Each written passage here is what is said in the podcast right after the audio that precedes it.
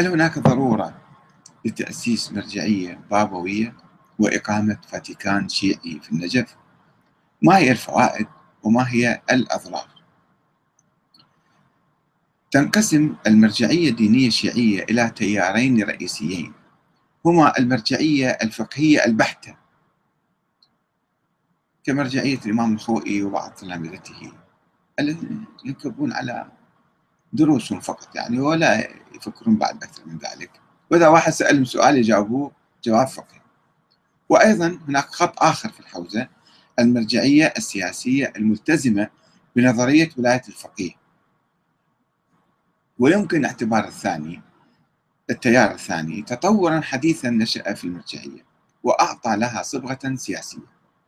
وبينما لم يكن التيار الفقهي يشعر بحاجة كبيرة إلى التنظيم والمأسسة. ما دام الأمر يقتصر على عملية الفتوى والإرشاد عملية بسيطة عالم دارس متعلم وناس يسألوه ويجاوبهم هذا هو دور المرجعية. فإذا ليست ليست بحاجة إلى لا تطوير ولا تنظيم ولا هم يحزنون. التيار الثاني كان يشعر أكثر من ذلك. يشعر بضرورة التطور والترشيد. من هنا دعا المفكر الراحل السيد محمد باقر الصدر رحمة الله عليه في السبعينات في مقال له تحت عنوان المرجعية الموضوعية. دعا إلى تأسيس أجهزة علمية ومالية وإدارية وسياسية تابعة للمرجع من أجل تنظيم عمل المرجعية وعلاقاتها العامة وتدقيق الحسابات المالية ونقل الخبرات للمراجع القادمين. مو يموت المرجع وينتهي كل شيء. وأطلق على المرجعية القائمة آه، اسم المرجعية الذاتية يعني شخص واحد. مرجع آه، آه، مرجعية تدور حول شخص واحد. وطالب بتطوير شكل الممارسة للعمل المرجعي وتشكيل مجلس يضم علماء الشيعة. وربط المرجع بهذا المجلس المجلس انتخب هذا المرجع من أجل صون العمل المرجعي من التأثر بالانفعالات الشخصية وتنفيذ سياسة المرجعية الصالحة التي تقرر من خلال ذلك المجلس. المجلس يقعد يخطط يفكر يعني يعرف ماذا يدور حوله. واقترح أن يقوم المجلس بترشيح المرجع الجديد بعد خلو المركز وإسناده وكسب ثقة الأمة إلى جانبه. يسند المرجع الجديد. كما انتقد طريقة تعامل الوكلاء مع الحقوق المالية الشرعية الأخماس والزكوات وأخذ النسب المئوية من تلك الأموال في الثلث أو الربع.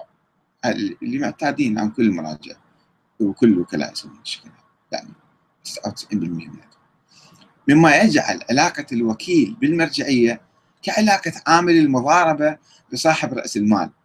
يعني هذا قال هذا مو صحيح الشكل واقترح أن تسلم الأموال كاملة إلى المرجعية وتقديم رواتب شهرية للوكلاء. يقول الشيخ محمد رضا النعماني مؤلف كتاب آه، الشهيد الصدر سنوات المحنة وأيام آه، الحصار أن السيد محمد باقر الصدر كان يسعى لإحداث تغيير في كيان الحوزة والمرجعية من الأساس بما يلبي الحاجات الحاضرة والمستقبلية وبما ينسجم مع متطلبات العصر والحياة. ومنذ ذلك الحين لا يزال الجدل مستمرا في صفوف الحوزة والمرجعية بين داع للتنظيم ورافض له خاصة بعد بروز شخصيات مرجعية غامضة ومنعزلة لا تواكب حركة المجتمع أو لا تتمتع بمواصفات قيادية عالية أو مشكوك في علميتها أو في تقواها أو حدوث وحدوث صراعات سلبية بين أتباع عدد من المراجع إلى درجة التشكيك باجتهاد بعض المرشحين المرجعية أو سلامة عقيدتهم. منحرفين ضالين. إضافة إلى ضياع كميات كبيرة من المال بعد وفاة عدد من المراجع وانتقالها إلى أولادهم وأقربائهم واعتبارها إرثا شخصيا.